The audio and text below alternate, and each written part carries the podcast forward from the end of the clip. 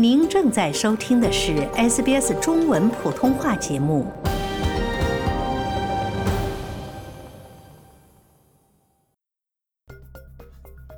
各位听众，大家好，我是 Lauren 陈龙。SBS 新闻快报为您带来最新的天气资讯。多个州被警告要为另一场席卷全国的极地严寒气团做好准备。澳大利亚东南部地区气温将会骤降，并出现极端天气，包括冰雹、狂风、降雨和降雪。在此之前，墨尔本记录下了四十二年来最寒冷的五月一周天气。从上周二到上周六，气温一直未能超过十五摄氏度。而如此寒冷的天气仍然没有结束的迹象，一股严寒气团将从今天起横扫全国。气象预报机构 WeatherZone 称，该气团将在本周三，也就是五月二十四日穿过海湾，然后在周四和周五席卷澳大利亚东南部地区。可能具有破坏性的强风将是该天气系统的特点之一。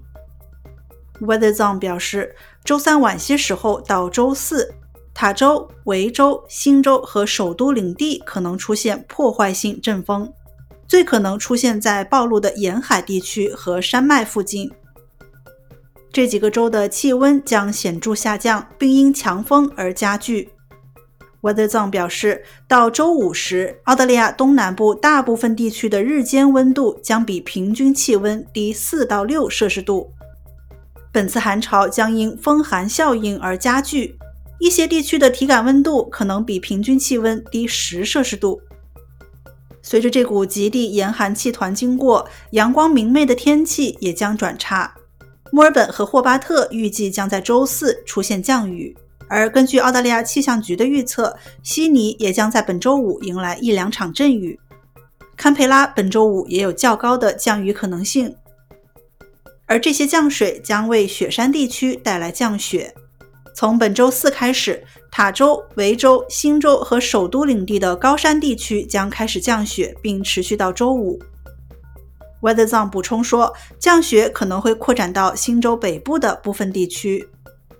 随着冷空气向北涌动，新州北部高地在周五上午降雪概率最大。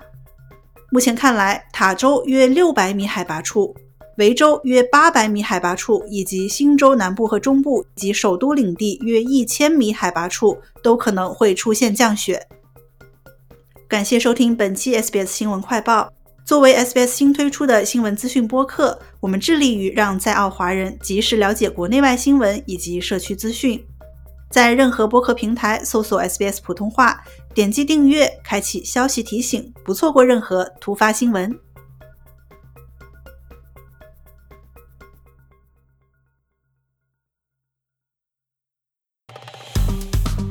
喜欢、分享、评论，欢迎您在 Facebook 上关注 SBS 普通话页面。